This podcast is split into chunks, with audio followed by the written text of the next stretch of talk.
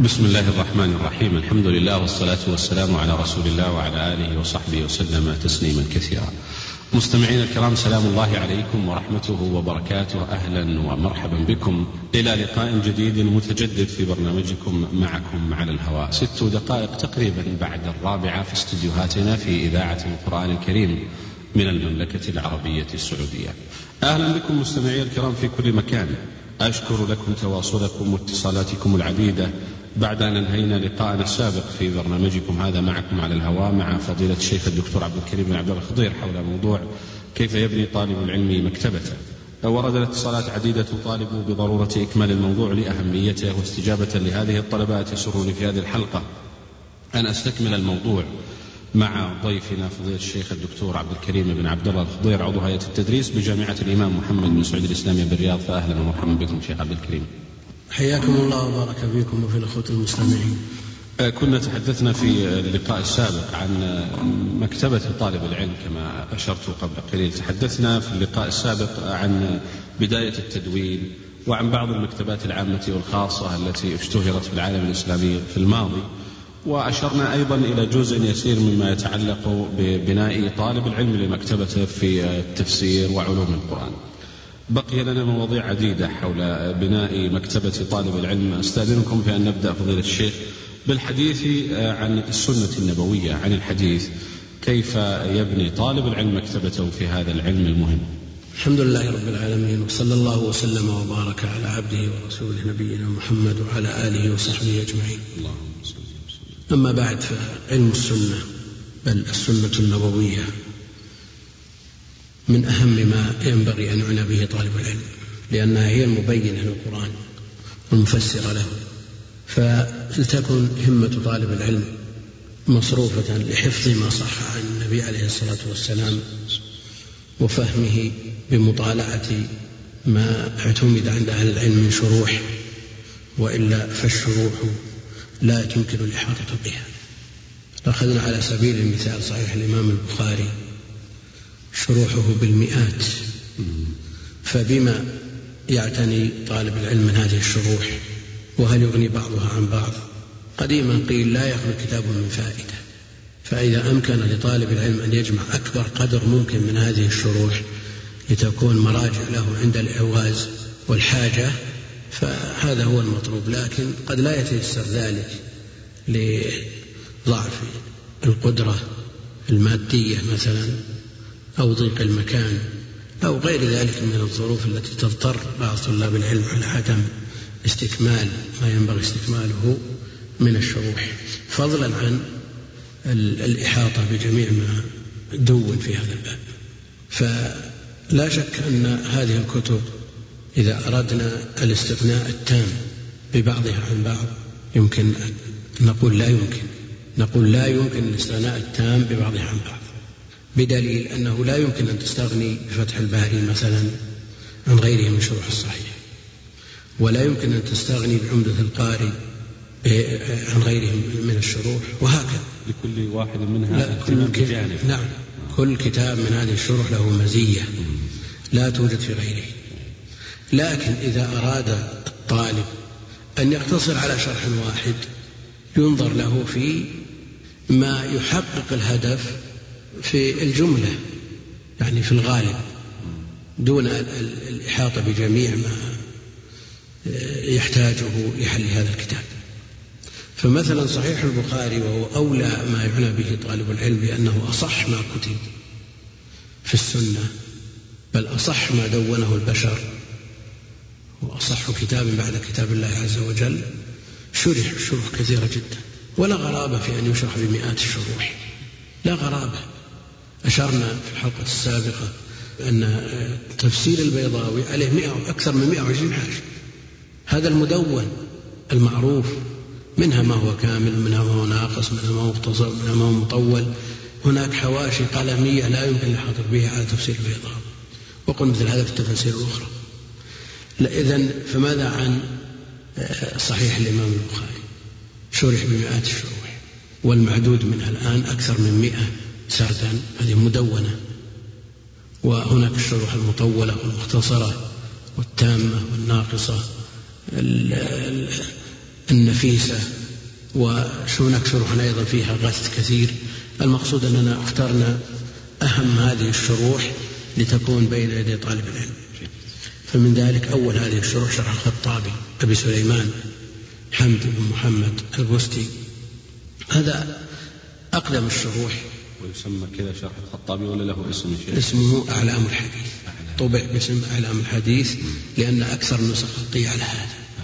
وكانت شهرته عند أهل العلم أعلام السنن في مقابل معالم السنن في شرح سنن أبي داود. له هذا الكتاب مختصر جدا مختصر جدا. يعني لو طبع بالحرف الذي طبع فيه فتح الباري ما جاء مجلد واحد. هو طبع محققا في أربعة مجلدات. لكن لو طبع على الطباعة السابقة الطباعات القديمة ما يجي مجلد والمحقق الموجود مخدوم خدمة؟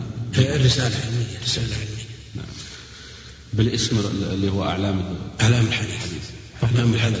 هو أيضا طبع محققا تحقيقا أقل من المستوى هذا الذي أشرنا إليه وهو أحد الأمراء من آل سعود. طبع في جامعة أم القرى. هذا تحقيق رسالة علمية. نعم.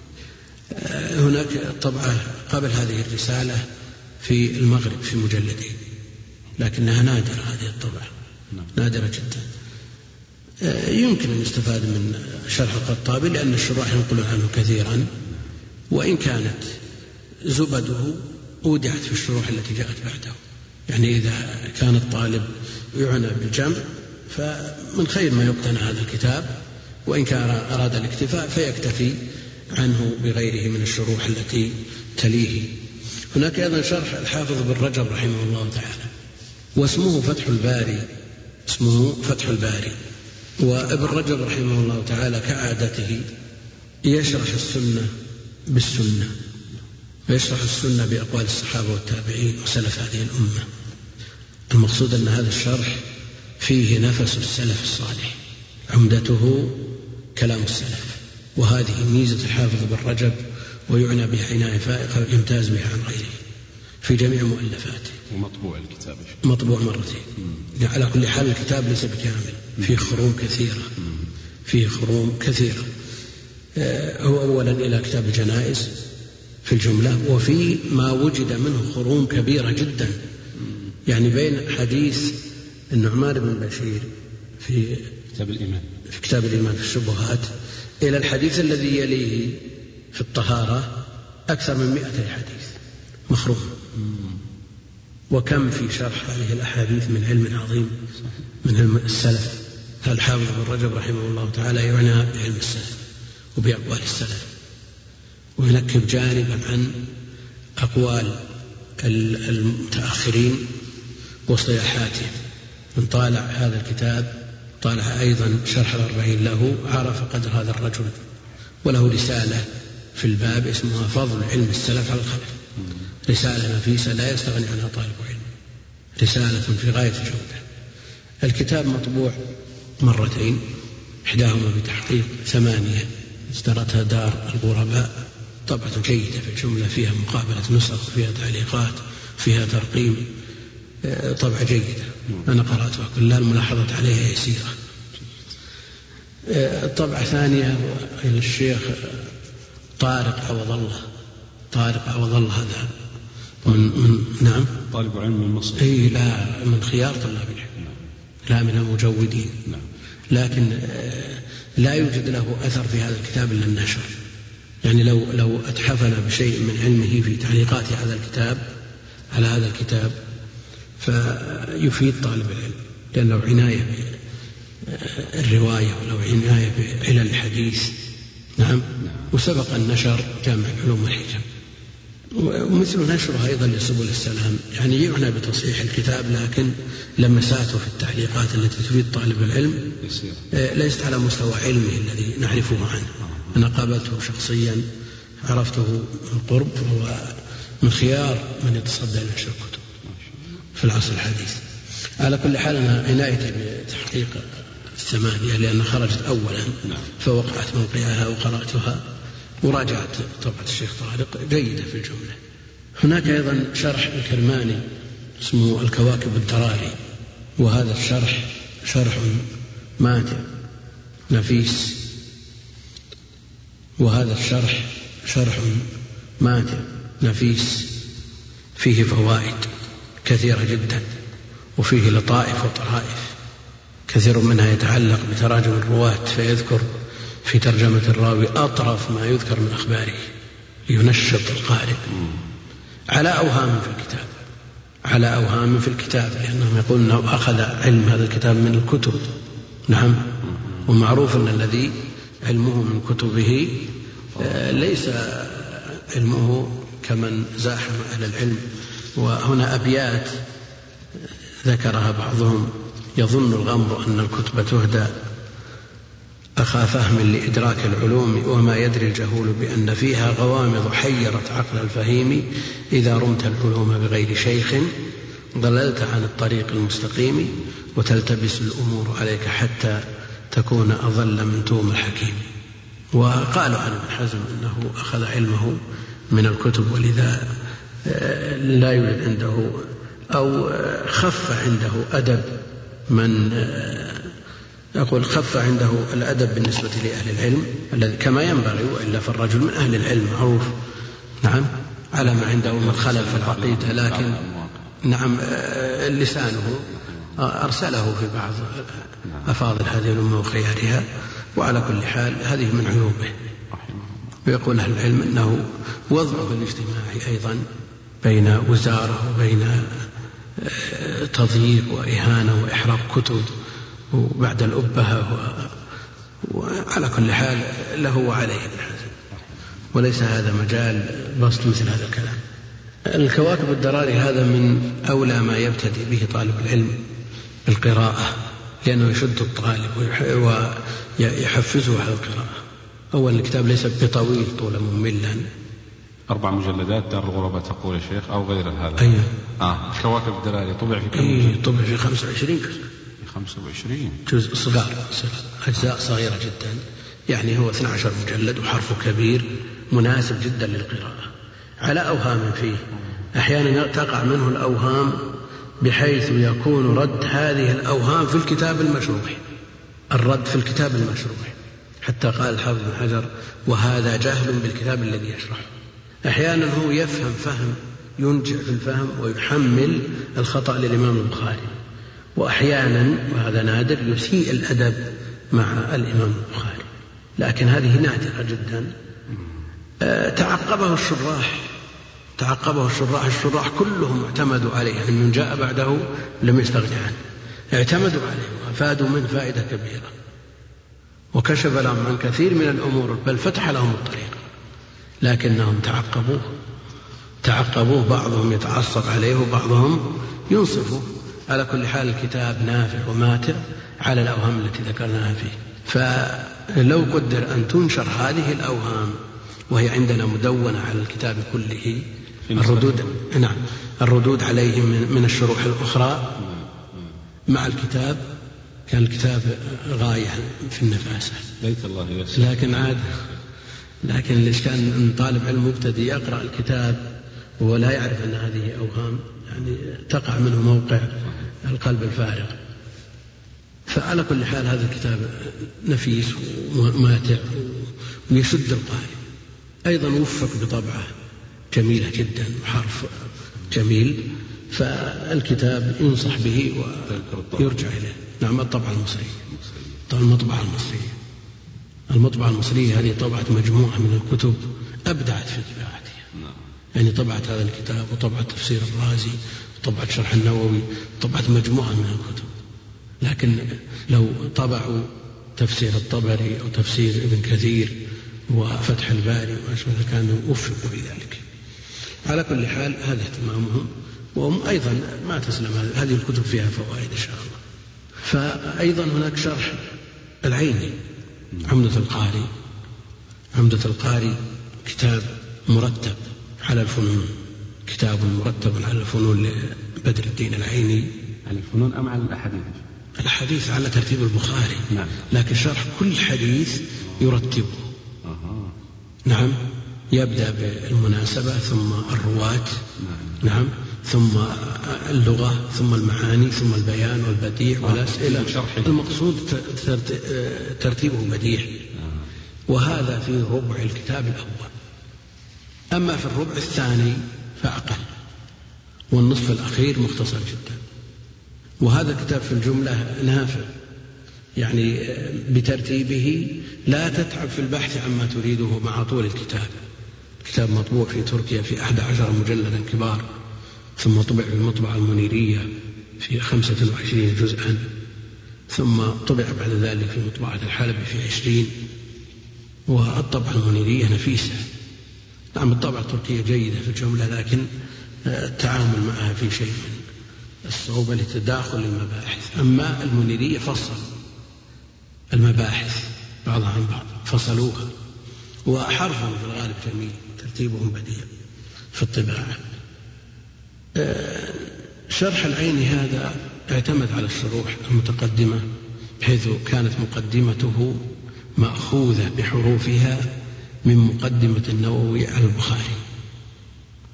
يعني في حدود عشر أو أحد عشر اثنى عشر صفحة بحروفها من شرح البخاري. للنووي. القطعة قطعة. التي شرح. هو شرح بدء الوحي والإيمان فقط. نعم. وهذه قطعة طبعت في طبعا المطبعة المنيرية مع مع مجموعة اسمها شروح البخاري النووي والقسطلاني وصديق لبدء الوحي والإيمان من صحيح البخاري. هذه المقدمة استلها العيني من شرح النووي. ثم بعد ذلك أخذ يشرح الأحاديث ويفيض في الشرح وينقل عن الحافظ بن حجر كثيرا لكنه لا يسميه بل يبهمه فيقول قال بعضهم. يقول قال بعضهم ثم يتعقب. يتعقب. كثيرا أحيانا وهو معاصر له شيء اي هو قريب من الأقران من الأقران. إذا انتهى مجلد من شرح الحافظ بن حجر استعير بعلم الحافظ بن حجر للعيني واطلع عليه ونقل منه الصفحة والصفحتين فتصدر الرد عليه. وبينهما ما بين الأقران من المنافسة. وهناك كتاب في الباب اسمه مبتكرات اللآلي والدرر في المحاكمة بين العين وابن حجر. أيضا ابن حجر له كتاب انتقاض الاعتراض. انتقاض الاعتراض. يذكر يذكر كلامه ثم يذكر كلام العين ويتعقب عليه ثم ينقض. وأجاب عن كثير من الإشكالات التي أوردها العين والتعقبات لكنه أبقى أشياء بيض لها ولم يتيسر له إكمالها. مبتكرات اللآلي والدرر في محاكمات كثيرة. بين الشيخين بإنصاف بإنصاف للبوصيري شخص معاصر. شخص معاصر.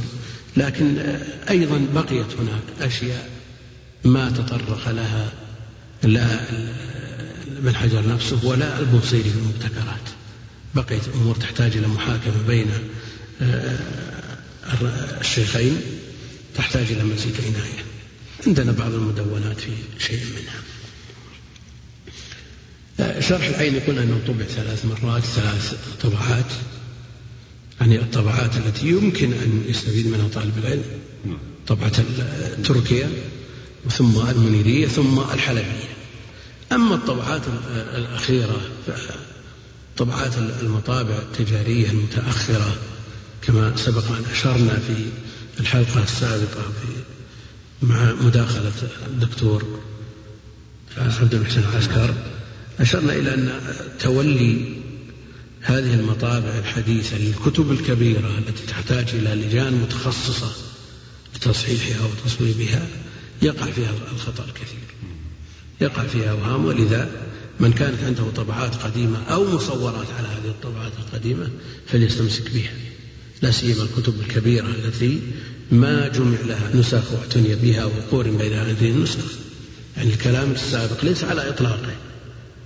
يعني قد يتيسر يوجد نسخة صحيحة من الكتاب.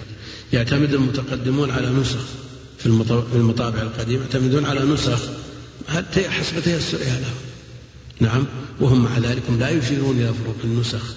ثم يتيسر للمتأخر أن وقف على نسخة المؤلف أو نسخة قوبلت على نسخة المؤلف أو لأحد تلاميذ المؤلف أو ما قرب من عصره وفيها عناية ومقروءة من قبل أهل العلم. ثم يطبع الكتاب عنها تكون له ميزة.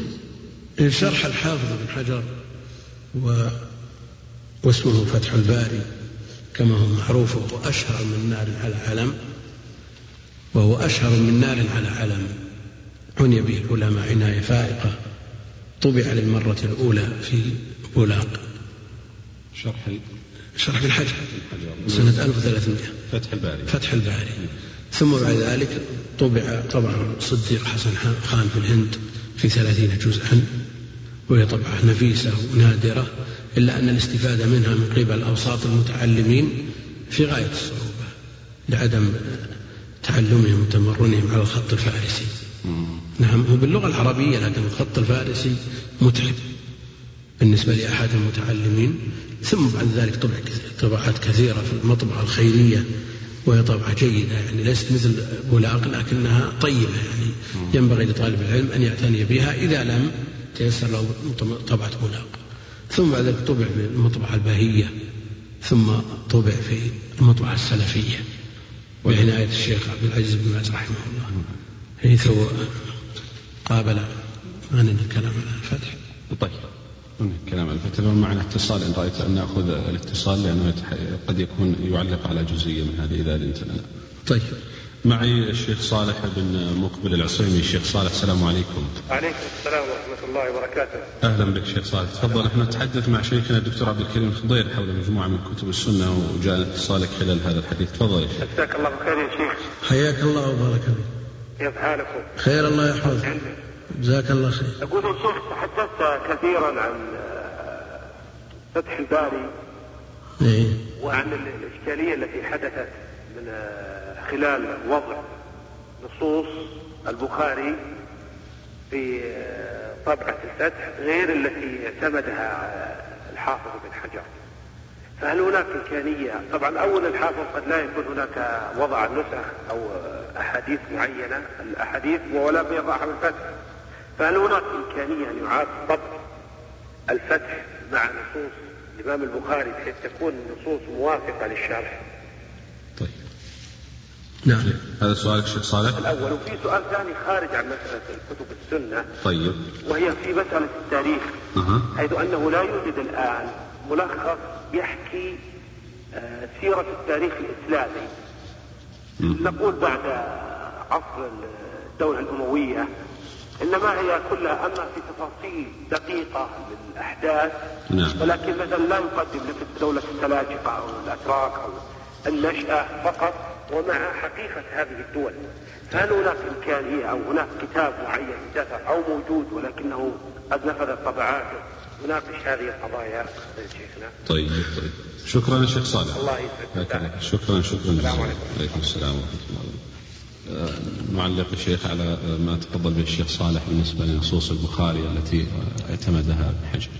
أما بالنسبة للتاريخ فسيأتي الحديث عنه إن شاء الله تعالى إن كان في الوقت بقية. أما ما يتعلق بفتح الباري فمثل ما ذكرنا طبع الطبعة الأولى في بولاق وهي مجردة من المتن على ما أراد الحافظ بن حجر. المتن وضعه الطابع في الحاشية. لا علاقة له في الشرح وهكذا جاءت الطبعة الخيرية بعدها والهندية كلها المتن مفصول فصل تام عن الشرح وأيضا البهية كذلك. والحلبية هو طبع في الحلبي في سبعة عشر جزءا المتن مفصول عن الشرح أول من أدخل المتن في الشرح محمد فؤاد عبد الباقي في الطبعة السلفية الأولى. التي عني الشيخ رحمة الله عليه الشيخ عبد العزيز بن باز في الجزء الأول والثاني وشيء من الثالث أدخلوا آه، المتن في الشرح. الحافظ بن حجر في المقدمة أشار إلى أنه سوف يدرج المتن في الشرح سوف يذكر المتن. ثم عاد عنه في مقدمة المجلد الأول. فقال رأى أن, أن إدخال الشرح المتن في الشرح يطيل الكتاب. والمتن معروف ومتداول ومشهور بأيدي طلاب العلم كلهم فلا يحتاج إليه. يعني هل يتصور شخص يكتفي بفتح الباري عن صحيح البخاري ولو كان الصحيح في المتن في الشرح؟ نعم. نعم. إذا الحافظ بن حجر وجهة نظره أن, أن, أن المتن لا يدخل في الشرح وهذا الذي استقر عليه رأيه. نعم. ومع هذا آه، اعتمد الحافظ بن حجر على رواية أبي ذر وأشار إلى ما عداها عند الحاجة. نعم؟ وأشار إلى ما عداها عند الحاجة. التصرف في الكتاب من قبل من أدخل المتن في الشرح على غير مراد المصنف ولذا لم يوفقوا في اختيار متن يوافق الشرح. فتجد الحافظ يشرح يقول قوله تنظر المتن ما تجد. لأنه اعتمد على رواية معينة. نعم. وهذا من شؤم التصرف في كتب العلماء. المؤلف ما أراد أن يدخل المتن. تدخل المتن ليش؟ لماذا؟ نعم. الأمر الثاني أنك لو ليتك لما دخلت المتن تدخل متن يوافق الشرح. رواية أبي ذر. رواية, أبي ذر. نعم. طبع بعد ذلك في المطبعة السلفية هذه السلفية الأولى طبعة آه، عني بها الشيخ رحمة الله عليه الشيخ ابن باز في المجلد الأول قابلها على نسخ خطية وقف عليها وجيء بها وأحضرت لديه. فالمجلد الأول والثاني وعلق على المخالفات العقدية وعلق على بعض المسائل الحديثية والأصطلاحية لكنها قليلة. نبه على جميع المسائل العقدية التي خالف فيها ابن حجر في المجلد الأول والثاني وأوائل الثالث. ثم انشغل رحمة الله عليه لما تولى رئاسة الجامعة الإسلامية بالنيابة عن شيخه الشيخ محمد بن إبراهيم رحمه الله الجميع فقال لمحب الدين الخطيب صاحب المطبعة السلفية اضرب على بولاق لأنه من خلال المقابلة وجدوا أن بولاق ما فيها إشكال. طبعا نفيسة لكن آه، لنا أمنية في طبعة بولاق قبل أن ننسى أن يصنع بها كما صنع في الصحيح الطبعة السلطانية. ترقم يوضع أمام كل حديث بداية شرحه رقمه نعم وأطرافه ورقمه في التحفة والإحالة على الشروح الأخرى لتكمل ويصور تصوير على الورق الشمواه الجديد هذا يصير أنفس من الأصل مش المعنى. ويتداول بين الناس. كان امتلاك النسخة السلطانية من فتح الباري حلم لدى طلاب العلم. لماذا؟ لأنه مطبوع سنة 1311 الأمر الثاني أنه كلها مكتوب عليها وقف. في كل صفحة من الكتاب. وقف لله تعالى لا يباع ولا يوهب ولا يورث. في كل صفحة. الصفحة اليمنى مكتوب عليها وقف لله تعالى والتي تليها لا يوهب ولا يورث ولا يباع. في كل صفحة من الكتاب. فهذا العمل حقيقة خدم الكتاب ونشر الكتاب بين طلاب العلم. الأمنية أن تكون أن تكون هذه الخدمة أيضا لفتح الباري. لماذا لا يفعل به مثل ما فعل بالصحيح؟ فترقم أحاديثه ويحال على الأطراف وعلى الشروح الأخرى أو رقم الحديث من تغليق التعليق وتحفة الأشراف فيكتمل العمل. يصور تصوير جميل بالألوان مثل مثل الأصل فتكون أنفس من الطبعة الأصلية. هذه أمنية فنعود إلى كلام. نعم تقول أن الشيخ قال لهم اطبعوا على طبعة نعم اطبعوا على طبعة بولاق طبعة بولاق فيها أخطاء يسيرة جدا جدا. آه، وقف عليها صديق حسن خان. المعروف المعروف الهندي الذي تولى إمارة هناك في بهوبال فأعاد طبعه عنده في الهند في ثلاثين جزءا. ولم تسلم أيضا الطبعة الهندية. تسمى الأنصارية من الأخطاء. طبع بعد ذلك الكتاب طبعات كثيرة. طبع طبعات لا تعد لأهمية الكتاب وشهرته وإفادة طلاب العلم ولا تسلم من أخطاء. لا تسلم من أخطاء. وبعضها آه، أمثل من بعض كما هو معروف. لكن الشيخ لما طبعوها كما ذكرتم طبع الشيخ محب الدين الخطيب رحمه الله أدخل أيضا المتن أدخل أدخل المتن. خلافا لرواية أبي ذر. أدخل المتن ملفق ليس على رواية معينة. آه. يعني ملفق من روايات. وهذا خلاف ما يوصي به أهل الحديث. ينبغي أن يكون كتابك على رواية واحدة. والآن لا يوجد كتاب على رواية أبي ذر بالنسبة لفتح الباري. فتح الباري ما فيه ما فيه رواية أبي ذر لفتح الباري. آه. رواية أبي ذر للصحيح للمتن. أقصد ما أحد أدخل الآن رواية أبي ذر في شرح فتح الباري مطبوعا أبدا. الشيخ عبد القادر شيبة الحمد وقف على نسخة في مكتبة الحرم المدني كتب عليها رواية أبي ذر ويأتي مثلها كثير من المغرب. لهم عناية بهذه الرواية لكن يوجد بينها وبين ما اعتمده الحافظ شيء من الاختلاف. نعم الشيخ وفقه الله يعني لمس الحاجة الماسة لرواية أبي ذر فوقف على هذه النسخة. كانت مخرومة مجلد فأكملها من الأزهر. على كل حال يشكر على هذا الاهتمام. لكن يبدو أن الذين طبعوا الكتاب آه، ما اختاروا الطبعة المناسبة من طبعات الشرح. نعم.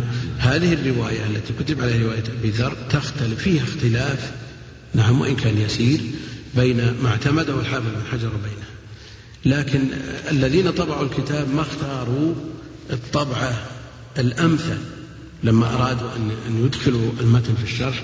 أول ليت الشيخ أفرد المتن. هذا الذي وقف عليه نشره كما هو. وعني بشرح القسطلاني وذكر فروق الروايات والطبعات القديمة للصحيح. طبعة بولاق الأولى والثانية. يعني الأولى السلطانية والتي تليها. وإلا طبع قبل ذلك في بولاق طبعات. لكنها خالية من ذكر الروايات. أيضا ما دام الكلام في البخاري الطبعة السلطانية التي طبعها السلطان عني بها بضعة عشر من أهل العلم.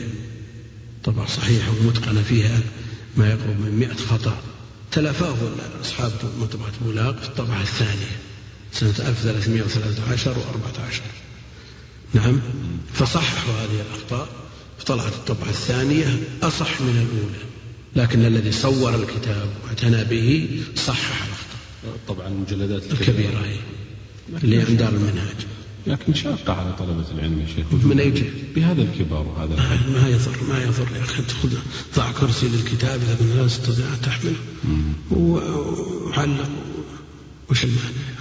يا أخي؟ لكنهم طبقوا ما ذكرته أنت قبل قليل من من الأمنية أي لا لا الأمنية وعرضته على كثير من من من أكثر من عشر سنوات وأنا وأكثر 15 سنة نعم. وأنا أعرض الكتاب على المطابع ليخدموا هذه الخدمة وكلهم يرحب بالفكرة ويرى أهمية هذا العمل ومع ذلك ما رأينا شيء لما خرج هذا الكتاب آه، جيء لي بنماذج من مطابع أنهم بدأوا يشتغلون ويرقمون وكذا. نعم. على كل حال الجهود إن شاء الله موفقة وما زال الناس لله الحمد. لهم عناية بسنة النبي عليه الصلاة والسلام. بعد طبعة بولاق أخذ عنها الطبعة الميمنية. الطبعة الميمنية. ثم بعدها الطبعة الخيرية. كلها بفروق النسخ مأخوذة من بولاق ثم الحلبية. الحلبية. الحلبية هذه صورت. وصور معها مقال للشيخ أحمد شاكر عن الصحيح وعناية اليونين به اليونين به ورواية الصحيح. صور هذا المقال للشيخ أحمد شاكر وألصق بما صور عن الطبعة الحلبية فاشتهر بين طلاب العلم. مع الأسف الشديد هذه طبعة الشيخ أحمد شاكر. الشيخ أحمد شاكر لا عناية له بالصحيح يعني ظاهرة منشورة يعني ما نشر شيئا من الصحيح إلا هذا المقال. استل هذا المقال فوضع مع ما صور عن الطبعة الحلبية فروج باسم طبعة الشيخ أحمد شاكر. هذا ترويج. صحيح نعم. وإلا الشيخ أحمد شاكر لا عناية له بهذه الطبعة على أقل الأحوال التي ذكر اسمه عليها. هذا مجرد ترويج تجاري. ومع الأسف أنه انطلع على كثير من طلاب العلم بل على بعض أهل العلم. أهل العناية بالكتب. يقول لي طبعة الشيخ أحمد شاكر قل يا أخي ما الشيخ أحمد ليس له طبعة الصحيح. الشيخ أحمد شاكر له مقال عن الصحيح. نعم. آه، ذكر فيه عناية اليونيني بالصحيح وذكر بعض الروايات. استل هذا المقال صور الطبعة الحلبية. نعم. فجعل مقدمة لها وقيل هذه طبعة الشيخ. طبع البخاري مرارا عشرات المرات. عشرات المرات لأهميته لكن ينبغي أن يعنى طالب العلم بهذه الطبعة التي أشرنا إليها الطبعة السلطانية التي أكملت بهذه الخدمة. هناك أيضا من الشروح شرح القسطلاني واسمه إرشاد الساري. إرشاد الساري هذا يكاد أن يكون ملخص أمين من فتح الباري وعمدة القاري مع إفادته من الشروح الأخرى. هذا الكتاب لا يغني عنه غيره في لمن أراد ضبط الصحيح ضبط رواة الصحيح ضبط صيغ الأداء ضبط المتون. يعني ضبط بالحرف فيشير إلى اختلاف جميع الروايات. نعم ولو لم يترتب عليها فائدة. لهذا الاختلاف لو لم يترتب عليه فائدة يشير إلى القسطلاني وهذه عناية فائقة بالكتاب. إذا نظرنا إلى معاناته عن البحث عن النسخة الأصلية اليونانية. نعم بحث عنها مدة طويلة ولم يقف عليها. وقف على الفرع فرع اليونانية. نعم فرع اليونانية. وقف عليها ثم بعد ذلك قابل كتابه أكثر من 15 16 مرة. قابل الكتاب نسخته على الفرع وعني بها ثم بعد ذلك وقف على المجلد الثاني من الأصل من اليونانية.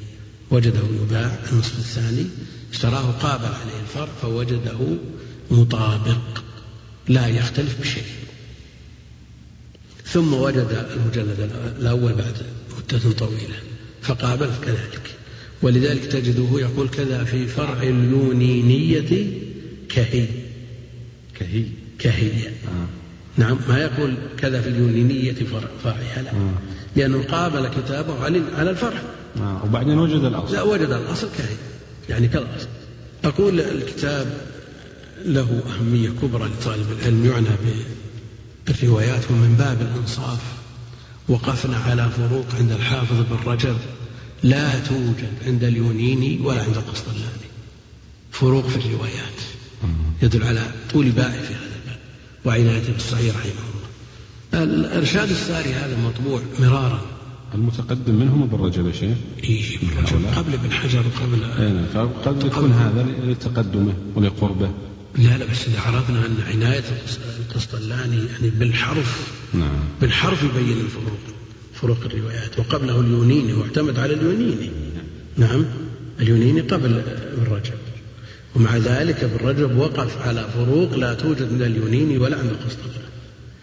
القسطلاني هذا مطبوع مرارا. يعني إذا عرفنا أن بولاق ما طبعت عمدة القاري ولا طبعت الكرماني. نعم. طبعت فتح الباري مرة واحدة.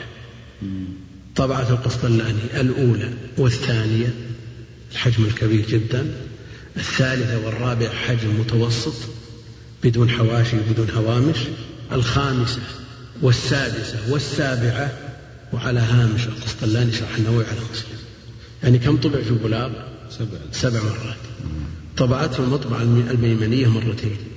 طبع في الهند وطبع في غيرها من أقطار الدنيا. فصلان لماذا؟ لأهميته لأهميته لأهمية على أن هذه الشروح لا تسلم من المخالفات العقدية. جل الشراح على مذهب على عقيدة الأشعري. رحمه الله. ضاق الوقت. لعلنا نتجاوز البخاري إلى مسلم؟ مثلا طيب طيب. لكن هذه هذه تعتبر هي أهم الشروح. يعني إذا استكملها طالب العلم فعنده كنز عظيم في شروح بلا شك. هناك شروح أخير متأخرة كثيرة كثيرة جدا. مم. هناك فيض الباري الأنور الكشميري. هناك لامع الدراري. هناك آه، الكواكب كوثر المعاني. شروح لا تعد ولا تحصى للمتقدمين والمتأخرين يعني لا تحصى شروح البخاري.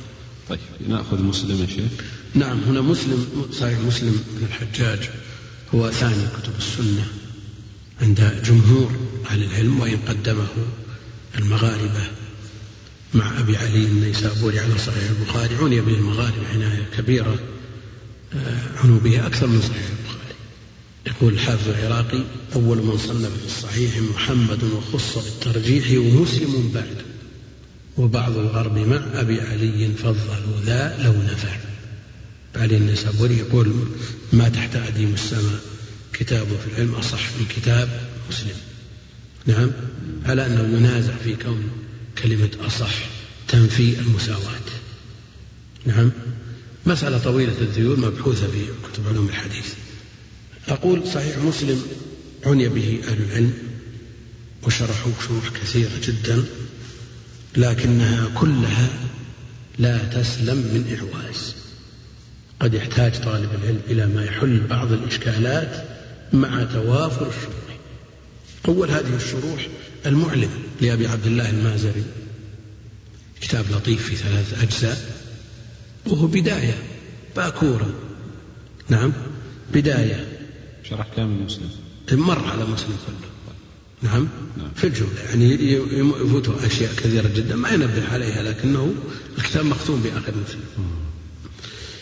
هذا الكتاب باكورة يعني ينبغي أن يعنى طالب العلم من هذا الباب لأن القاضي عياض جاء فأكمله. ألف كتابه إكمال المعلم وهو كتاب نفيس اعتمد عليه كثير ممن جاء بعده. يعني أكمل ما مر عليه المازري نعم. بسرعة. نعم. أكمل الشرح. الأول المعلم للمازري ثم إكمال المعلم للقاضي عياض. وهذا الكتاب فيه شيء من البسط. ثم إكمال إكمال المعلم للأبي. وهذا كتاب أيضا فيه فوائد وطرائف وكثير مما يحتاجه طالب العلم مما يتعلق بالكتاب. وهناك أيضا مكمل إكمال الإكمال للسنوسي. هذه الشروح سلسلة يعني لا يغني بعضها عن بعض. ولم بعض مجموعة هي ما طبعت مجموعة. طبع المعلم أخيرا بعد طبع. آه. طبع بعدها كلها. المعلم طبع متأخر إكمال المعلم أيضا طبع أخيرا. طبع قبله إكمال إكمال المعلم الأبي ومعه بنفس الطبعة السنوسي مكمل إكمال الإكمال. نعم.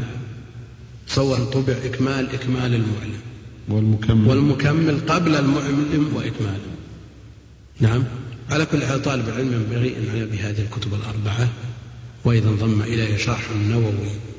على مسلم وهذا لا يستغني عنه طالب العلم على اختصاره كتاب مبارك في فوائد وقواعد وضوابط وتحريرات. وتحقيقات لا يستغني عنها طالب علم. وهو شرح النووي وهو كامل كامل طبع مرارا طبع مرارا أفضل طبع في طبع في الهند سنة 1270 و76 وطبع يمكن خمسة ست مرات في الهند. إلى سنة سبعين بعد الثلاثمائة وهو يطبع بالهند في مجلدين. طبعته المطبعة الكستلية في خمسة مجلدات وهي يعتمد عليها أوائل المحققين مثل الشيخ أحمد شاكر وغيره. نعم. ثم طبع المطبعة البهية المصرية في ثمانية عشر جزءا في طباعة فاخرة ثمانية عشر جزءا وهي صحيحة بالجملة فيها أخطاء من آه، لا تسلم من بعض الأخطاء كأي عمل بشري لكنها طبعة جيدة. شرح النووي يمر فيه كلمات تدور كثيرا. يسأل عنها طلاب العلم. منها قال صاحب المطالع. أوه. نعم. قال صاحب التحرير. ينقل بكثرة عن هذين الكتابين. مطالع الأنوار. هو مطالع الأنوار لابن قرقول. مم. وصاحب التحرير. التحرير في شرح صحيح مسلم. نعم. لأبي عبد الله محمد بن إسماعيل الأصبهاني. ينقل عنهم النووي بكثرة. حكى صاحب المطالع وقال صاحب التحرير وقال القاضي يعني اعتمد على من تقدم. لكنه النووي له نفس في الكتاب وتحريرات وتحقيقات لا يستغني عنه طالب العلم. هناك أيضا المفهم لما أشكل من تلخيص مسلم. المفهم لما أشكل من تلخيص مسلم. القرطبي المفهم للقرطبي؟ المفهم للقرطبي الملخص المختصر تلخيص للقرطبي. والمفهم؟ والمفهم له. اختصر صحيح مسلم. نعم. والمقصود بالقرطبي أبو العباس أحمد بن عمر القرطبي شيخ أبي عبد الله صاحب التفسير. نعم شيخ أبي أبي عبد الله صاحب التفسير.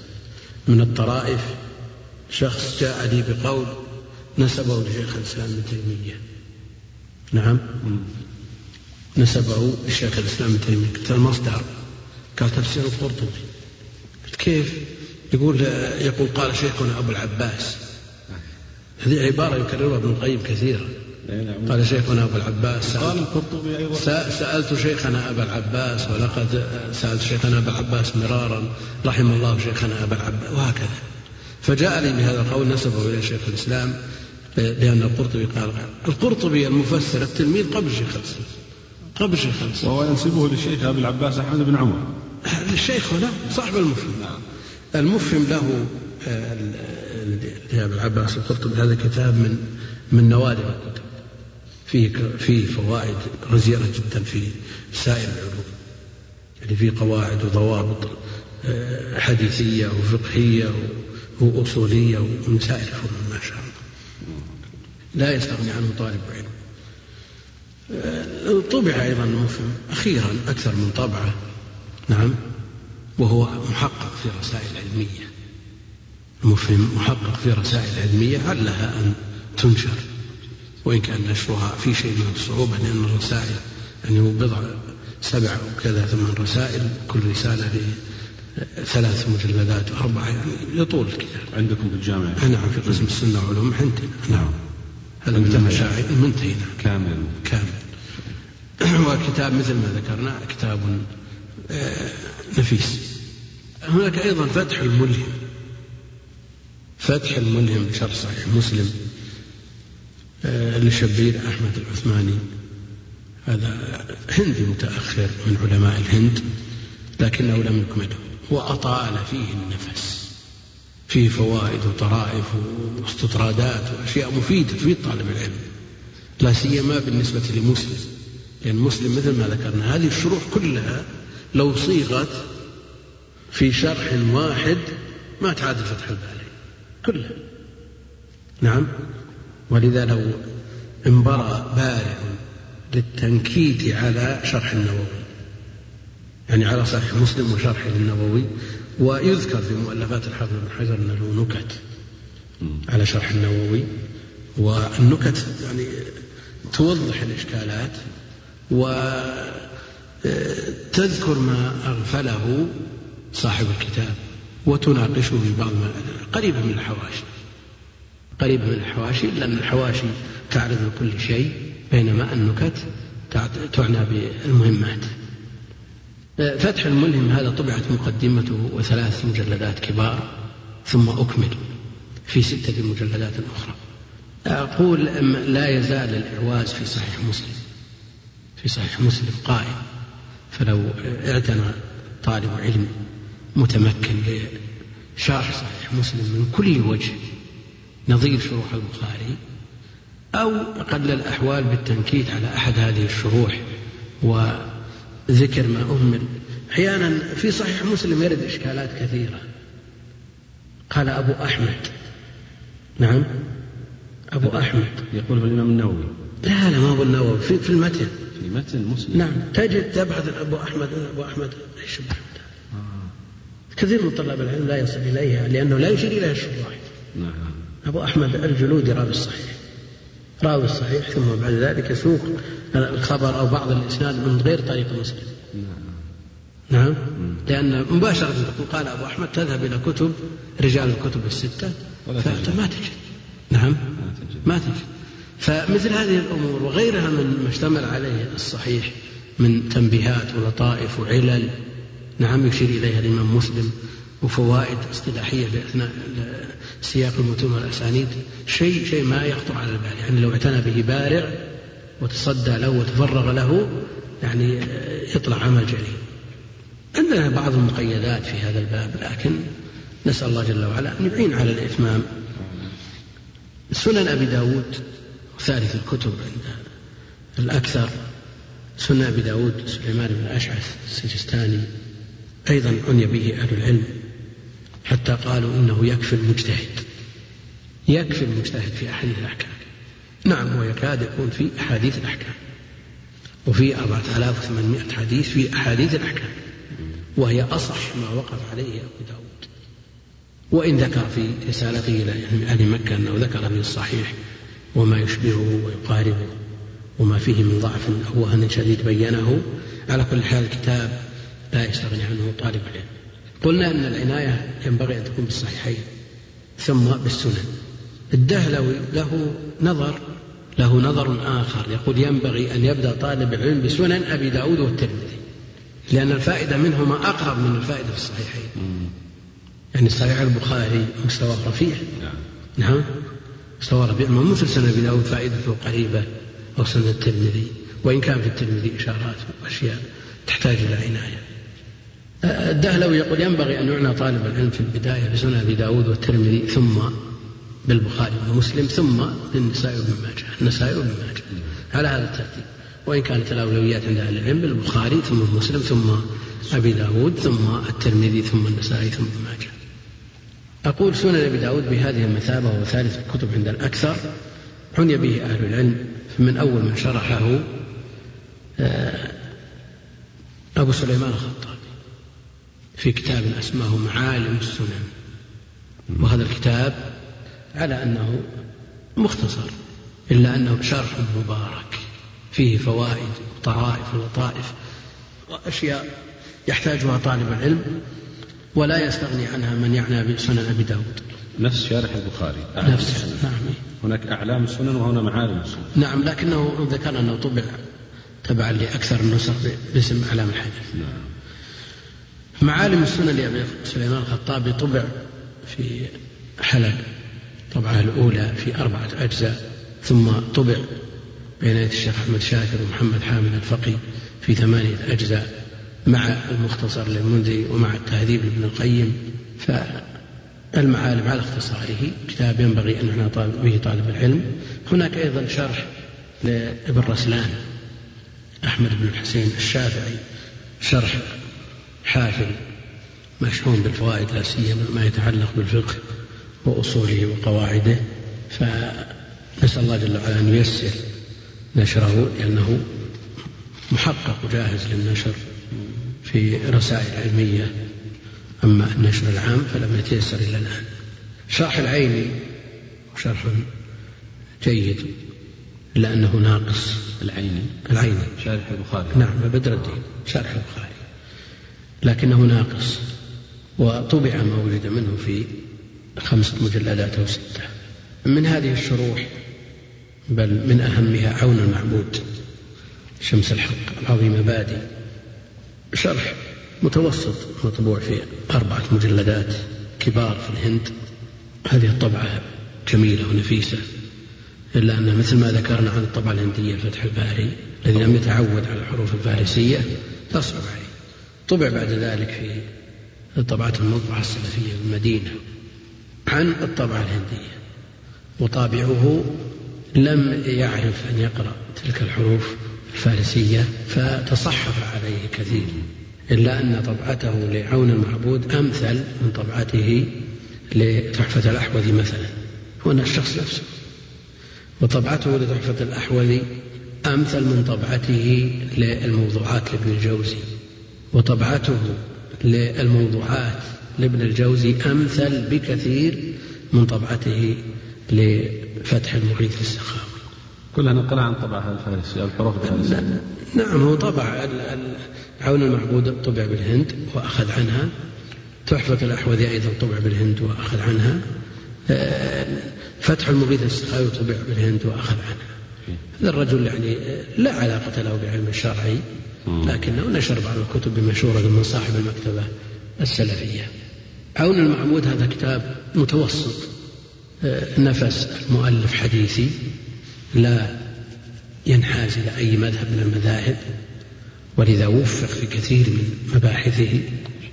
يعنى بتخريجات المنذري وتصويبات ابن القيم وتعديل الأحاديث. ونقل عن فتح الباري وغيره من الشروح. شرح وسط يعني يفيد منه طالب العلم ولا يضجره بطوله. بذل المجهود للسهارنفوري كتاب مطبوع أيضا في عشرين جزءا في عشرين جزءا لكنه يختلف عن عون المعبود.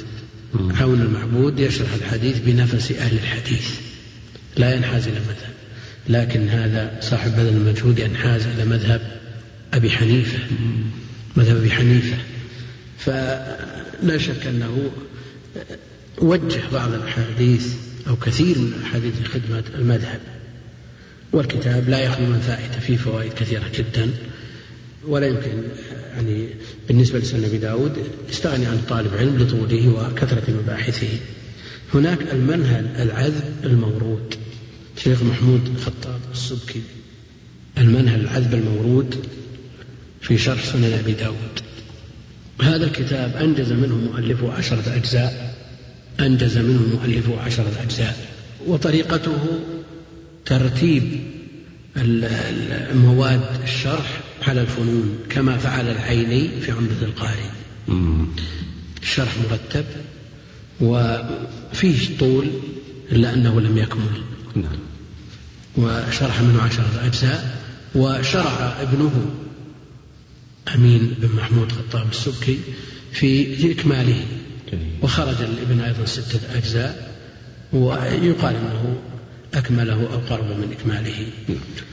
استاذنك شيخنا معنا اتصال هاتفي من فضيلة الشيخ الدكتور عبد الله البراك. دكتور عبد الله السلام عليكم. أهلا بكم شيخنا إذا سمحت لي وسمح لي تفضل شيخنا الدكتور الكريم بتنبيه أود اثناء استعراضكم تفضل. في هذه الشروح أن يعقب ويعلق على ملحوظة أود تفضل. فضيلته آه شيخنا كما لا يخفى عليكم أن الحفاظ على التراث وحراسته من العبث والتلاعب أمر واجب ولازم. وكما لا يخفى على فضيلتكم ما أسهل أن يقول بعض الناشرين قام بتحقيق لجنة من العلماء بإشراف الناشر نعم. أو يعني هناك من يستل فصل وينشره باسم المؤلف ويكون هذا الفصل وهذا المؤلف لأحد الكبار. وكما سماه فضيلة الشيخ بكر حفظه الله تنتيف الكتب. هناك من يعبث باسم الاختصار أو الانتقاء ويدعي تنقية الكتاب كما يقول من الأحاديث الضعيفة. الاساليب تعددت والعبث واحد. صحيح. أرجو من فضيلة الشيخ وهو يعني شيخنا في في مثل هذه الأمور والمسائل جزاه الله خيرا توجيه من فضيلته لطلاب العلم حول هؤلاء العابثين وما رأي الشيخ لو جعلت لجنة لحفظ التراث من العبث ونقد العابثين تصريحا لا تلويحا؟ ودي يعني يعني نستقطع وقت الشيخ لو دقائق يعلق على هذه المسألة. شابك معنا. سمعت كلام الدكتور عبد الله. لك سؤال قبل أن ننهي مكالمة الشيخ عبد الله. كلام الشيخ عبد الله واضح ومفصل. نعم. وفي مكانه أيضا. جزاك الله خير. الشيخ عبد الله على ما أبداه من ملاحظة ينبغي العناية بها. جزاك الله خير شيخ عبد الله. أما بالنسبة للعبث نعم. بالتراث فحدث ولا حرج. بعضهم يكتب ضبط وتحقيق. نعم. وهو في الحقيقة مسخ وتحريف. وفي والأمثلة كثيرة على هذا. بعضهم يتصدى للتحقيق وهو لا يعرف من العلم الشرعي شيء يعلق على حديث ابن عمر في طلاقه لزوجته مره فليراجعه. نعم. فإذا حاضت حتى تحيض ثم تطهر ثم تحيض إلى آخره. حتى تطهر ثم تحيض. يقول هكذا كانت هكذا كان الحكم لما كانت العدة قبل الطلاق. كالمرسل نعم.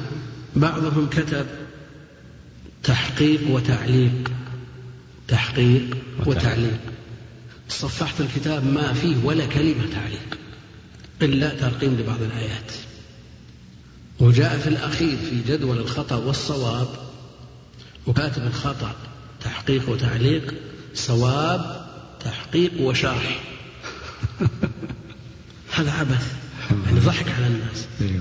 في مثل هذا ينبغي أن يوجد لجنة تؤدب أمثال هؤلاء وتحذر من صنيع هؤلاء وتوقف هؤلاء عند حدهم. العبث بالتراث من جهة أخرى وهي الاختصار. يعني السطو على كتب أهل العلم بالاختصار. ممن لا يحسن. يعني نوصي بعض طلابنا باختصار الكتب. لماذا؟ لأن الاختصار وسيلة من وسائل التحصيل ونوصيه بذلك للانتفاع لا للنفع. يعني طال عليك فتح الباري وصعبت عليك معلومات وتشتت في ذهنك بإمكانك أن تختصر. لكن ما تخرج إلى الناس بمختصر فتح الباري كما خرج في بعض المختصرات التي أساءت إلى الكتاب. حذفت أهم مهمات الجوانب المشرقة في الكتاب. واقتصر على على ما يريده من كلام الغث وأدخل فيه ما ليس منه. وغيره. المقصود أن العبث بالتراث بالتراث على أشده ولا يوجد جهة تحد من هذا العبث إلا أن يتصدى أهل العلم للتحذير من هؤلاء. في دروسهم العامة والخاصة. بالتصريح وفي نعم. بالتصريح كما قال الدكتور عبد الله؟ يقول يعني المفروض أن نتجاوز مسألة التلميح الآن ما, في ما يمنع أبدا. لأنه إذا عرف فلان بهذا يصرح. جيد نعم. ورأينا من كتب في الصحف. نعم، في الأيام الأخيرة من انتحى الكتاب هو لغيره موجود. صحيح. نعم. المقصود أن مسألة الاختصار قد يكون الكتاب فيه حشو كثير ويتولاه طالب علم متمكن ليقرب الفائدة من هذا الكتاب. الاختصار مسلك ونوع من أنواع التصنيف. نعم بشرطه. ليس معنى هذا أنه لمجرد أن يقال فلان له اسم يدور في المكتبات وهذا مكثر من التصنيف. هذا غلط هذا عبث. هذه حقيقة مرة إذا كان هذا هو الهدف. لكن إذا رأى أن هذا الكتاب الكبير فيه فوائد عظيمة لا يمكن أن يستغنى عنها إلا أنه يحول دون الاستفادة منها طول طول الكتاب لا مانع. حافظ بن حجر اختصر كثير من الكتب. ونفع الله بمختصراته وإن كان بعض الناس يلمزه بهذا وأنه طمس معالم الكتب ونسبها إلى نفسه وهذه المقصود له حسان. ولا شك أن شهرة الحافظ بن حجر آه، غطت على الأصول. يعني كتابه التلخيص الحبير لا يكاد يذكر عند أصله البدر المنير في الفائدة ومع ذلك تأخر طبع الأصل لانتشار الفرع وشهرة الحافظ بن حجر. وقل مثل هذا في بقية مختصراته. لكن ما يمنع أن ينبري عالم مدرك يميز بين ما يحتاجه طلاب العلم وما لا يحتاجونه بين الغث والسليم السامين ويهذب بعض الكتب لكن هذا ليس على إطلاقه. هذا ليس على إطلاقه. ينبغي مثل ما تفضل الدكتور أن تشكل لجنة لحفظ التراث من العبث وبداية قبل تشكيل هذه اللجنة على أهل العلم أن ينبهوا. وما تكاد تمر مناسبة في دروسنا. إذا رأينا كتاب بيد طالب من الطلاب نلاحظ على طبعته بعض الأشياء ننبه عليها في وقته في الدروس في المسجد. جميل. أنت يا أخي إيش الطبعة اللي معك؟ نعم إذا قال كذا نبه عليه. بعض الكتب أعرفها من من مجرد حجمها أو من لونها أو من نعم, نعم. ونبه على ما فيها من خلل. فالتنبيه أمر في غاية الأهمية لا سيما وأن المطابع الآن آه، تزف إلى الناس بالمئات بل بآلاف الكتب. هذا لا شك أنه يحير يحير طلاب العلم فلا بد من ترشيد هذا الأمر وصيانته. آه، مسألة الاستلال الأخذ من الكتب آه، كتاب راج في الأسواق بداية الخلق. وما فيه أي مظهر من مظاهر التحقيق بل فيه تحريف بداية الخلق. هذا مأخوذ من آه، البداية والنهاية من أول البداية والنهاية. نسبه لنفسه بداية الخلق ابن كثير عناية فلان. ليروج هذا الكتاب يبحثون عن بداية الخلق ابن كثير وهو من البداية والنهاية. آه، قصص الأنبياء الحافظ ابن كثير. من البداية والنهاية؟ السيرة النبوية للحافظ ابن كثير من البداية والنهاية وهكذا. إن كانت هناك مزيد عناية للمستل يعني هذا الشخص الذي استل آه الذي استل هذه المادة من هذا الكتاب المتكاملة كما يفعل في فتاوى شيخ الإسلام مثلا تستل وتحقق وتخرج بإخراج بعناية جيدة نعم إذا إذا كان هذا من أجل خدمة نعم. هذه هذه وشدة حاجة الناس إليها من بين هذه الموسوعة الكبيرة جيد. هذا هدف صحيح والأمور بمقاصده الأمور بمقاصده. يعني بعض المحققين لم أقف على هذه الآية. لم أقف على هذه الآية؟ لم أقف على هذه الآية الشريفة أو الكريمة في المصحف الشريف. أعوذ بالله. حديث قدسي قال الله تعالى. لا حول ولا قوة يعني هذا محقق له الله المستعان هذا هؤلاء هم السراق. أيوه. يعني إذا كان بعض الرواة يطعن بأنه يسرق الحديث نعم هذا يسرق. هذا يسرق. هذا ينتحل هذا يتقمص. المقصود أن مثل هؤلاء وهذا موجود يا شيخ الذي قال موجود موجود. نعم مطبوع هذا الكتاب. في كتاب مطبوع. لا حول ولا قوة إلا بالله. الله ملاحظة طيبة من الدكتور عبد الله ولفتة كريمة من أخ كريم قد عرفناه طالبا ثم زميلا ثم أستاذا من النابهين البارعين فيما نحسبه. المنهل العذب المورود نعود إلى شروح سنن أبي داود. المنهل العذب المورود قلنا أن الشيخ محمود خطاب السبكي في أبدع في ترتيبه وجمع المادة العلمية من المصادر التي يعتمد عليها في الباب ولم يكمله قام ابنه بإكماله صدر من التكملة. من الأصل عشرة أجزاء ومن التكملة ستة وفي طريقه أيضا إلى تتميمه. هنا كتاب ليس بشرح حقيقة لكنه لا يستغني عنه من يعاني سنن أبي داود ويعنى بسنن أبي داود. هو تهذيب السنن لابن القيم. كلامه منصب على بيان علل الأحاديث بنفس الأئمة الكبار المتقدمين. إذا عرض الأحاديث بين جميع ما قيل فيه وما فيه من علل وكثير منها من استنباطاته وإدراكه للعلل والخلل فهو إمام في هذا الباب. يتكلم عن عن علل حديث واحد في عشرين ثلاثين صفحة.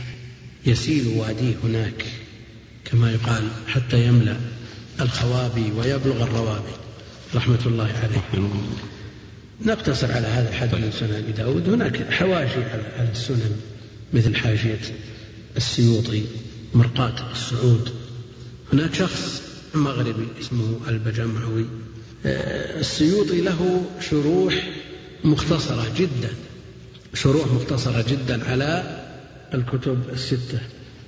فقام هذا المغربي البجمعوي فاختصر هذه الشروح. نعم. نعم. فالتوشيح على جامع الصحيح للسيوطي في مجلد على الصحيح البخاري شرح نعم. مختصر جدا. جاء هذا فقال روح التوشيح فاختصر هذا المختصر. للسيوطي الديباج في جزء صغير على سنن على صحيح مسلم. جاء البجمعوي هذا فاختصره في وشي الديباج على صحيح مسلم بن الحجاج وهكذا مرقاة السعود للسيوطي, قال درجات مرقاة اختصر. وهكذا على بقية الكتب الستة. هي الكتب الحواشي على الكتب الستة مطبوعة في ستة أجزاء صغيرة. نعم. إذا قبل أن نترك سنن سنن أبي داود أستأذنك في هذه المداخلة. فضيلة الشيخ معي الأستاذ خالد الشنيبي أستاذ خالد. السلام عليكم. السلام ورحمة الله وبركاته. تفضل يا أخي. والله يا شيخ. حياكم الله تفضل. أنا والله أهنى البرنامج على استضافة الشيخ عبد الكريم نسأل الله أن ينفع به. آمين آه باختصار أنا عندي ثلاث نقاط آه تفضل. لفتت نظري خاصة من الناحية الحديثية في الزمن هذا السنوات الأخيرة. الأولى لاحظنا يا شيخنا أن الكتب التي بدأت تخرج في الآونة الأخيرة آه، بدأت كما يسمونها موضة إطالة الحواشي في التخريج. فأصبح يخرج حتى من الأجزاء الحديثية التي لا تكاد يعرفها كثير من طلبة العلم وهي أصل وأصل الحديث أصلا موجود في الصحيحين أحيانا. فأصبحت الكتب بدأ أن تخرج في مجلدين مثلا تخرج علينا في أربع أو ست مجلدات مما يعني يثبت كان طالب العلم مما أيضا لا تكون فيه الفائدة الكبيرة هذه النقطة الأولى يعني. سواء كانت رسالة علمية أو غير أو غير رسالة علمية أستاذ خالد لا لا يعني أحيانا الرساله العلميه لها ظروف ولكن أحيانا آه. نشر الرساله العلميه النشر. أيضا نعم. لها دورها لأن الرسالة العلمية كرسالة لها ظروفها الخاصة طيب. لكن يبقى النشر الذي يعني لاحظنا في الأسواق الاونه الأخيرة نعم. التركيز على إطالة الحواشي مع ان ما نستفيد منها كثيرا بل ربما تشتت أفكارنا في قراءه كتب الإمام الذي نقرأه. طيب. هذه هي النقطة الأولى. آه النقطة الثانية يا شيخنا أيضا آه، ظاهرة أخرى هي بدأت في الآونة الأخيرة هي البحث في القصص الموجودة عن السلف من التابعين ومن بعدهم. أحيانا لا ينبني عليها أي حكم فقهي. فتبدأ ظاهرة تضعيف هذه القصص وليس هذا يقف عند هذا بل آه، جعل من يورد هذه القصص من الجهال بعلم الحديث مع أنه أقول مرة أخرى لا ينبني عليها حكم شرعي بل أحيانا هي من المرققات ومن الأشياء التي تذكر. فهل هذا المنهج يا شيخ خاصة في الآونة الأخيرة التي ظهر هل هو منهج سليم يتبع أم أنه منهج متشدد في الناحية هذه؟ فنرجو نسمع رأيكم في هذه. طيب. أخيرا يا شيخ وهو رجاء لك. يعني مشاهد إلمامك يا شيخ في كتب الحديث وإلمامك في طبعاتها فهل يعني أتحفتنا في شرح أحد كتب السنة؟ آه، لعل الله أن ينفع به بعد مماتك وأنت تعرف أن هذا من الأشياء التي ينتفع بها العبد إذا مات ووسد التراب وجزاكم الله خير. جزاك الله خير. شكرا أستاذ خالد. شكرا جزيلا. المتصل أخ خالد عنده أكثر من قضية يا شيخ. تحدث عن الكتب التي آه، تخرج في الآونة الأخيرة وطالت الحواشي في التخريج. شكرا للأخ الشيخ خالد على هذه اللفتة الكريمة. أما بالنسبة لإطالة الحواشي التخريج بالرجوع إلى الأجزاء والمعاجم والمشيخات والكتب التي هي نعم. غير مشهورة متداولة بين الناس مع أن أصول هذه الأحاديث موجودة في الكتب. المتداولة المشهورة أنا أقول قبل ذلك هذا خلل. خلل في التحصيل. تجد بعض طلاب العلم آه، مغرم بهذه الأجزاء والمعاجم. والمشيخات يحفظ زوائدها ويخرجها ويحققها مع أنه من أجهل الناس بالبخاري مثلا. آه. لا شك أن هذا خلل. خلل في المنهجية. يعني عندنا علم عظيم في الصحيحين.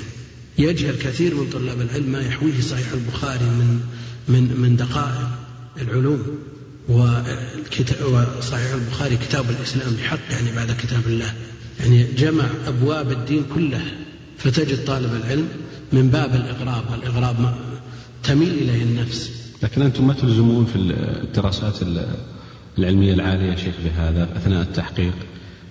مثل ما تفضل الأخ الشيخ خالد أن هذه الرسائل العلمية لها ظروف. نعم. فهذه ورقة اختبار. يعني بقدر اطلاع الطالب وسعة الاطلاع على هذه الكتب المشهورة وغير المشهورة يمر ويبرع طيب.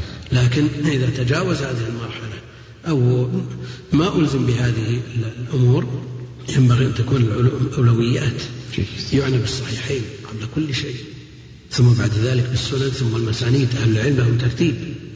يعني تصور مسند الإمام أحمد بعد سنن ابن ماجه في الترتيب. مع أنه في قوة الأحاديث في مصاف سنن أبي داود لماذا؟ لأنهم نظرات دقيقة يقدمون الصحيحين ثم كتب الصحاح الأخرى التي ما التزم صاحب أصحابها بما اشترطوا كصحيح ابن خزيمة وابن حبان ومستدرك الحاكم ثم السنن ثم بعد ذلك المسانيد وبعدها في رتبة ما جعل على المسانيد فيدعى الجفل نعم ليش؟ لأن هذه المسانيد ألفها أصحابها على أسماء الرواة على الصحابة. فالذي يصنف على السنن ماذا يصنع؟ يترجم بحكم شرعي. باب حكم كذا باب جواز كذا باب تحريم كذا. فهو إذا أراد أن يرشح لهذا الحكم من مروياته سوف يرشح أقوى ما عنده من رواية. بينما إذا ترجم بصحابة. نعم. أحاديث أبي بكر الصديق أحاديث عمر أحاديث عثمان إلى آخره يأتي بجميع ما وقف عليه أو بما وقف عليه من أحاديث الصحابة بغض النظر لأنه لا يستدل لحكم شرعي ترجم به. ولذلك تأخرت مرتبة المسانيد عن مرتبة السنن. هذه أولويات أولاها أهل العلم عناية فائقة. فكون الطالب يذهب إلى جزء الألف دينار مثلا جزء الألف دينار. أو مشيخة النعال أو مشيخة فلان أو علان وهو جاهل بصحيح البخاري. هذا إغراب هذا خلل في المنهجية. طيب. نتكلم عن البحث في القصص الموجودة عن السلف والتابعين هناك قصص يذكرها السلف وتذكر عنه واعتمدوها. لا لبناء الأحكام عليها وإنما هي من باب حفز الهمم. نعم ينقل عن السلف في العلم والعمل والعبادة والتعب والسهر في هذا الباب. مما يشحذ همة المتأخرين لمحاكاتهم وسلوك سبيلهم. نحن بحاجة إلى أن نبحث إلى صحة هذا الخبر عن فلان؟ أن نعتمد على هذا؟ لو لم يكن في الباب إلا عمل قلنا بدعة. لو لم يعتمد على كتاب وسنة. نعم؟ فهذا لا شك أنه من المنشطات. أما تعدى الأمر ذلك فصاروا يبحثون في أسانيد كتب مستفيضة مشهورة عند أهل العلم. نعم؟ لكن لقصورهم أو تقصيرهم ما وجدوا من الأسانيد ما يثبتونها به فجرؤوا على أن نفوا هذه الكتب.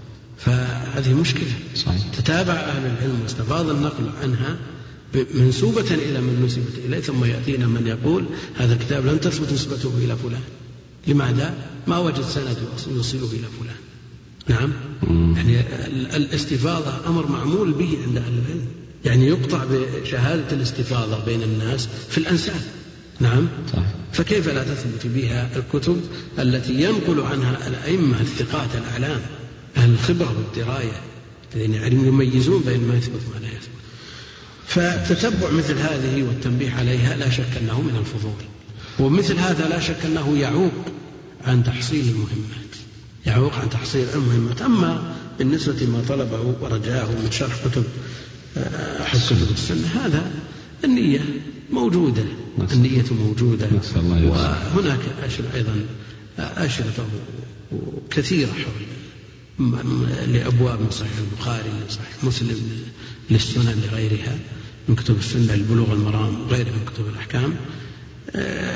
ويحرص الطلاب على تفريغها وتصحيحها وتصويبها لكننا غير مقتنع غير مقتنع من تفريغ الأشرطة ونشرها بالكتب لأن التأليف فن طيب تراجعونها يا شيخ. الت... لأن عندي التأليف ابتداء أسهل من مراجعة ما كتب آه.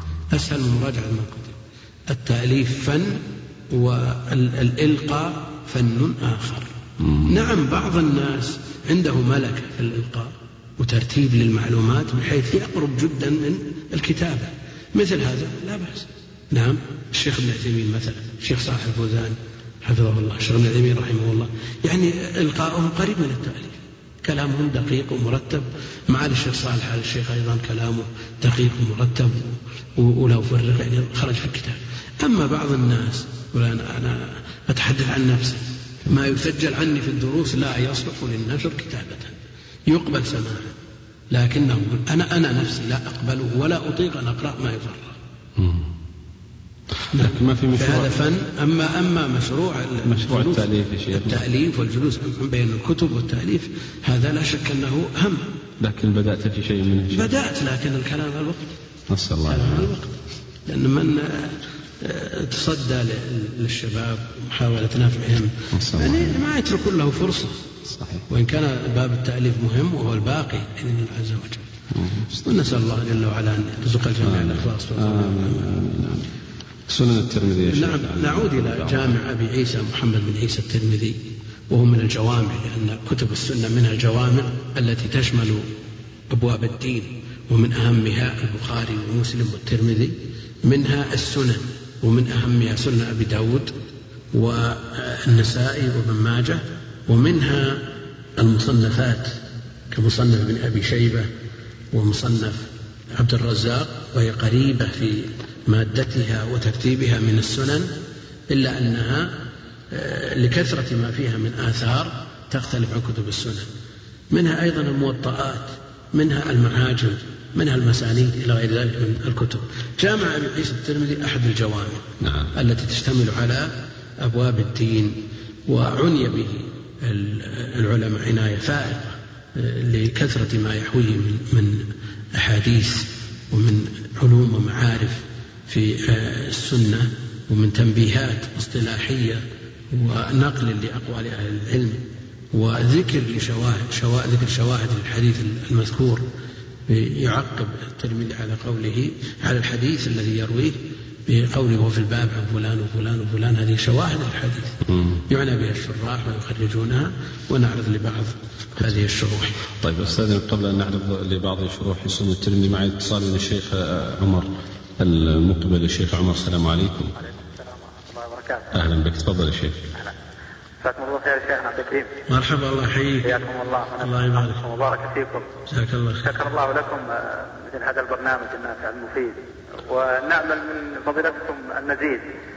آه، وليت مثل هذا بارك الله فيكم يدون ويكتب لينتفع به الحاضر ومن يأتي. من الأجيال باذن الله تعالى.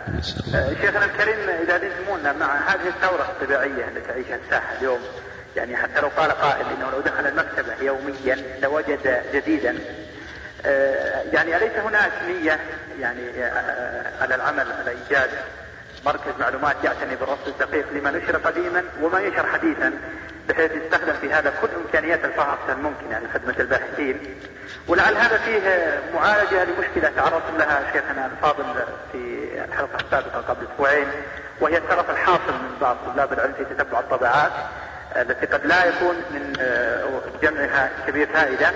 وفي الوقت نفسه أيضا تزيد حاجة المعوزين من طلاب العلم الذين قد لا يستطيعون شراء ما يريدون. ولعل أيضا في إيجاد مثل المركز يكون فيه مساندة مع العمل الذي يقوم به الشيخ يوسف الخلاوي في موقع تمرات المطابع لأنكم تعلمون أن يعني جانب الإنترنت ليس كل الباحثين يتيسر لهم التعامل معه صحيح. بل بعضهم أيضا وليسوا بالقليل لا يحسنون التعامل مع هذه الوسيلة. طيب. هل ترون أن القيام بها مؤسسات أولى بلى بلى.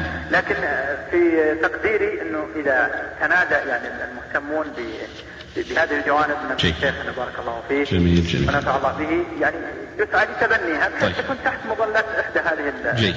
يكون فيه يعني تبادل معلوماتي قوي دقيق. ما سيسر هذا الحمد لله. جميل جميل. تعدلتم في نقطة يا تفضل. ياسر. تفضل في ما أدري يعني مسألة توثيق نسبة الكتاب إلى مؤلفه نعم. الله. يعني نلاحظ هناك إغراق من بعض الباحثين أو إطالة في يعني صح التعبير تعني في ذكر ذلك. ربما يكون الكتاب مشهورا لمؤلفه حتى لا يحتاج إلى هذا. فما أدري ما ضابط ذكر مسألة توثيق نسبة الكتاب إلى مؤلفه هل هذا من الترف أم أنه حاجة في بعض المواطن وفي بعض المواطن لا؟ طيب. شكر الله لكم شيخنا وشكر الله لكم ابا ياسر شكرا يا شيخ. أنتم أقول جزاك الله خير. هذه البرامج. جزاك الله خير. شارككم لها. نسأل الله العافيه والتوفيق. شكرا للشيخ عمر المقبل. تعليقكم شيخ عبد الكريم. جزا الله اخانا الشيخ عمر على ما قدمه خيرا أما بالنسبة للمركز مركز المعلومات والرصد ونفع الباحثين وتمييز الغث من السمين هذا مطلب لا شك أنه ملح ويحتاجه طلاب العلم ومثل ما تفضلتم هو ينبغي أن تتبناه جهة رسمية لكن هذه الجهات إذا اقترح عليها تحتاج إلى من ينبهها إلى مثل هذه الأمور ولا تتأخر إن شاء الله تعالى. بالنسبة للتوثيق لكتب لنسبة الكتاب إلى مؤلفه هذا لا شك أنه إذا كان الكتاب مطبوع لأول مرة وغير مشهور فلا بد من التوثق من نسبته إلى مؤلفه.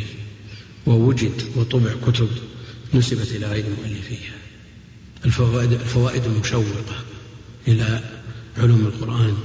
هذا نسب ابن القيم.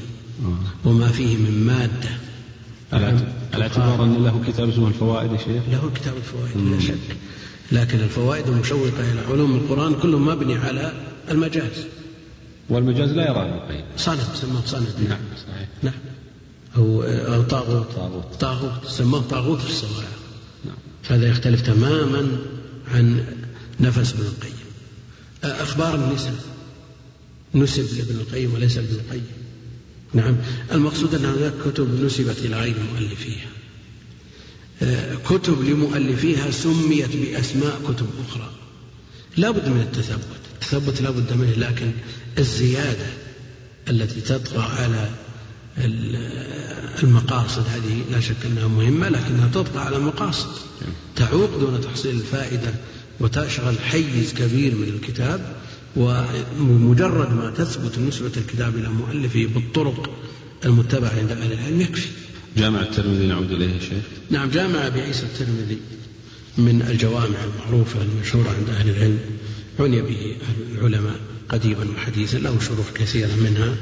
النفح الشذي أو قبله عارضة الأحوذي لابن العربي المالكي. عارضة الأحوذي هذا كتاب آه، جيد متوسط. الحجم لأبي بكر بن العربي المالكي يعنى بالمسائل الفقهية وإن كان لا يغفل بعض الكلام اليسير المختصر على لطائف الإسناد وما أشبه ذلك. لكن سوء الطباعة سوء الطباعة حال دون الإفادة منه.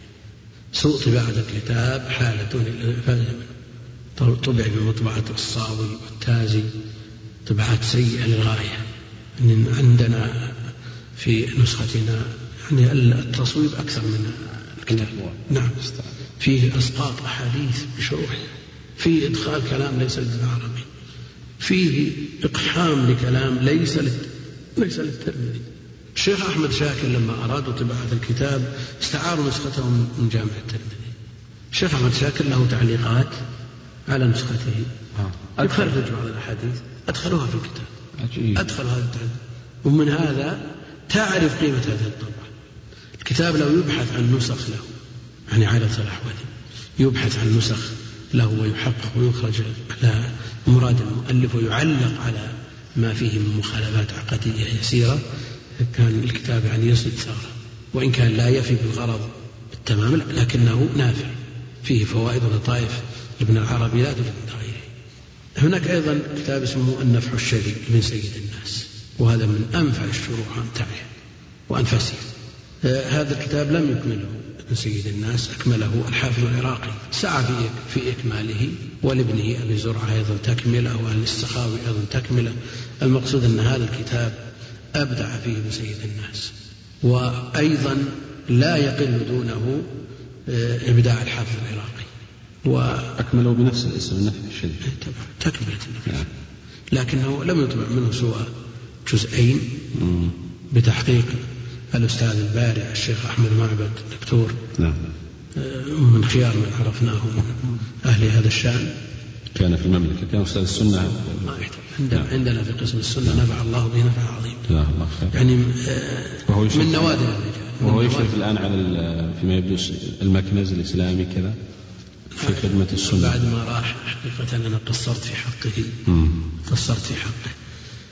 ما انتقل إلى مصر قصرت نعم. في حقه كثيرا. آه، المقصود أن الشيخ أخرج المجلد الأول والثاني وأطال النفس في التعليقات. أطال النفس جدا وليست من التعليقات التي آه، ترهق الكتاب مثل تعليقات بعض الناس الذي مجرد نقل من كتاب إلى كتاب ينقل التهذيب إلى حاشية كتاب كذا ينقل التقريب. المهم يفرق كتاب من كتاب. لا الشيخ له وقفات وله لمسات وله تحقيقات لا توجد من غيره. ومن أهل هذا الشأن.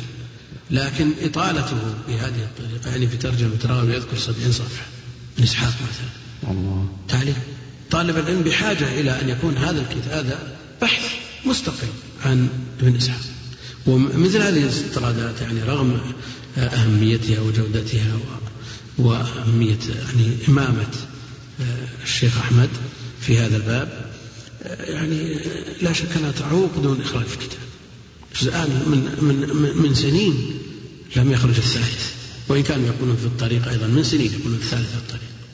لكن ماذا عن الرابع والخامس والعاشر والحادي بهذه الطريقة يمكن يصير خمسين أو ستين مجلد. والله المستعان.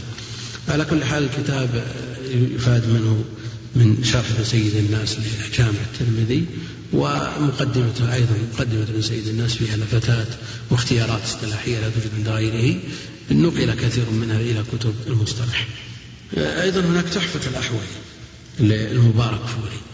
تحفة الأحوذي كثير من طلاب العلم ممن لا يعنى بجمع كل ما كتب حول هذه الكتب يقول إذا أردت أن أقتني واحد. أقتني عارضة الأحوذي أو تحفة الأحوذي نقول تقتني تحفة الأحوذي تحفة الأحوذي لأنه وفى بعناصر الشرح المطلوبة ابن العربي قد تجد حديث ما شرح. نعم. قد تجد حديث شرحه مبتور. قد يكون مرد هذا إلى النسخة التي اعتمد عليها. وسوى الطباعة لكن على الوضع القائم تحفة الأحوذي أفضل بكثير. ويعنى أيضا المبارك فوري بتخريج الأحاديث التي أشار إليها الترمذي بقوله في الباب. هناك أيضا من مختصرات السيوطي على هذه الكتب يعني شروح مختصرة جدا. قوت المقتدي نعم على جامع الترمذي ومختصر الذي أشرنا إليه سابقا نافع قوت المقتدي. أيضا تعليقات الشيخ أحمد شاكر على جامع الترمذي لا يستغني عنها طالب علم وهي أيضا منهج. لتحقيق الكتب. طبعت على نفس السنن على نفس نعم مجلدين مجلدين من جامع الترمذي بتحقيق الشيخ أحمد نعم. يستفيد منها طالب العلم التصحيح يستفيد منها أيضا منهجية التحقيق. منهجية التحقيق. نعم قد نختلف مع الشيخ أحمد رحمة الله عليه في توثيق بعض الرواة وتضعيفه وثق في تعليقاته أكثر من عشرين راوي جماهير أهل العلم على تضعيفهم نختلف معه في هذا لكن لا يعني أننا نفيد منه. الشيخ مدرسة في التحقيق. مدرسة في التحقيق.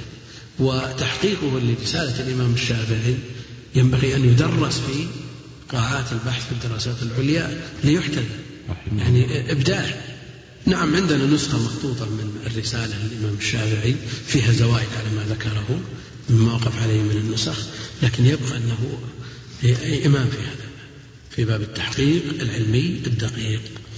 نأتي إلى سنن أبي عبد الرحمن النسائي ورغم أهميته وما فيه من كم من أحاديث الأحكام وما فيه من علل يشير إليها في تراجم الأبواب لأنه بحاجة ماسة إلى شرح متكامل يعنى بالرجال والمتون والتصحيح والتضعيف ويعنى بالدرجة الأولى بهذه التراجم التي هي علل. ويقيني أن هذه العلل التي أشار إليها في هذه التراجم هي العائق عن شرح الكتاب. هناك آه، شروح مختصرة للسيوطي زهر الربع المجتبى. نعم. وحاشية للسندي. فيها إعواز كبير يعني ما تفي بالغرض. هناك أيضا شرح مطول جدا. لمعاصر اسمه ذخيرة العقبة في شرح المجتبى الشيخ محمد بن علي آدم ثيوبي هذا مدرس دار الحديث درس دار الحديث نعم. هذا شرح مطول جدا يعني يبلغ الأربعين مجلدا. ذكر لأنه عدل عن هذا الطول إلى النصف تقريبا. هو خرج من تسعة مجلدات بشرح مطول جدا. يأتي إلى الرواة فيترجم لكل واحد منهم ويذكر جميع ما قيل فيه. هذه أمور لا تنتهي. لكن جمع مادة يعني تنفع القارئ لا سيما في مثل هذا الكتاب الذي الأمة بحاجة ماسة إليه والساحة آه، تكاد تكون آه، معدمة من شرح يسعف طالب العلم. هناك أيضا الحواشي السلفية على سنن النساء مطبوعة في مجلد كبير في الهند ثم طبعت بعناية الشيخ أبو الأشبال في خمسة أجزاء. فيها فوائد وطرائف ونفائس. وكتب السنة حقيقة بحاجة إلى شروح آه، تجمع الشروح السابقة وتسوقها بصياغة يفهمها طلاب العلم وأيضا تضيف إليها ما استجد من حوادث ونوازل تدل عليها هذه الأحاديث. يمكن أن تستنبط أدلتها من هذه الأحاديث. الله المستعان. سادسا سنن ابن ماجه وهذا هو سادس الكتب عند الأكثر. وأول من أدخله مع الأمهات أبو الفضل بن طاهر. أبو الفضل بن طاهر. وإن كان ابن الأثير وقبله الرزين في تجريد الأصول جعل بدله الموطأ وهناك من جعل الدارمي هو سادس الكتب. نعم. لكن بعد أبي الفضل بن طاهر كل الناس تتابعوا على جعل سند ابن ماجه هو سادس الكتب لكثرة زوائده وفوائده. آه، شروح سنن ابن ماجه كثيرة. لكن الموجود منها المطبوع قليل منها شرح مغلطاي علاء الدين بن قريج الحنفي. هذا شرح طويل ونفيس وماتع إلا أنه لم يشرح المقدمة. ما شرح المقدمة التي في السنة؟ فيها أكثر من 300 حديث تركها. بدأ من أبواب الطهارة ثم أكمل العبادات إلى آخره. شرح السيوطي آه، اسمه مصباح الزجاجة مختصر جدا. وطبع مختصره نور مصباح الزجاجة يعني في ما يقرب من مئة صفحة شرح لكتاب كبير في مئة صفحة. آه، ولا الأحاديث. ولا نعم. آه، شرح برهان الدين الحلبي سبت بن العجمي هذا لم يطبع. حاشية الحسن السندي مطبوعة نعم وفيها فوائد ولطائف. وهناك شرح زوائد سنن ابن ماجه لسراج الدين ابن الملقن وله أيضا زوائد النسائي. زوائد أبي داود زوائد الترمذي. آه، تصدى لهذه الزوائد فشرحها شرح زوائد ابن ماجه في ثمانية مجلدات فشرح مطول آه، إلى غير ذلك من الشروح التي لا يمكن استيعابها. حقيقة أن آه، يعني وقت البرنامج بدأ يعني ينزحف. جزا الله فضيلة الشيخ خير الجزاء. وجعلنا الله وإياكم ممن يستمعون القول فيتبعون أحسنه. وتقبلوا تحيات إخوانكم في تسجيلات الراية الإسلامية بالرياض. والسلام عليكم ورحمة الله وبركاته.